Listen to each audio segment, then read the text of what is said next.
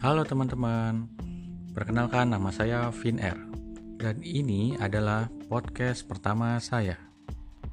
Nah, teman-teman pasti bertanya dong, podcast ini nantinya rencananya akan membahas segala sesuatu yang berhubungan dengan dunia fiksi kriminal atau novel-novel kriminal.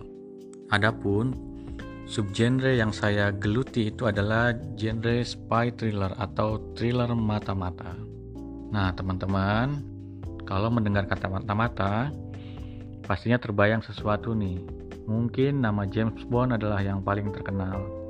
Selain James Bond, teman-teman juga mengenal karakter Ethan Hunt di Mission Impossible atau Jason Bourne. Saya menyukai karakter-karakter tersebut. Tapi kalau untuk favorit saya sendiri adalah Jason Bourne. Sesuai dengan genrenya, Thriller mata-mata adalah segala sesuatu yang membahas tentang mata-mata. Konsep ceritanya bisa berupa kontra intelijen atau kontra terorisme. Di era dunia kontemporer saat ini, novel mata-mata itu memiliki dua aspek tempat.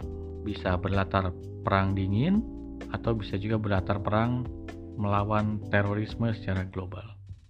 Di era 80-an, kita mengenal sesosok penulis yang cukup terkenal yaitu Robert Ludlum yang telah menelurkan dan menciptakan karakter bernama Jason Bourne. Lalu, di era modern, kita juga mengenal beberapa penulis di genre tersebut.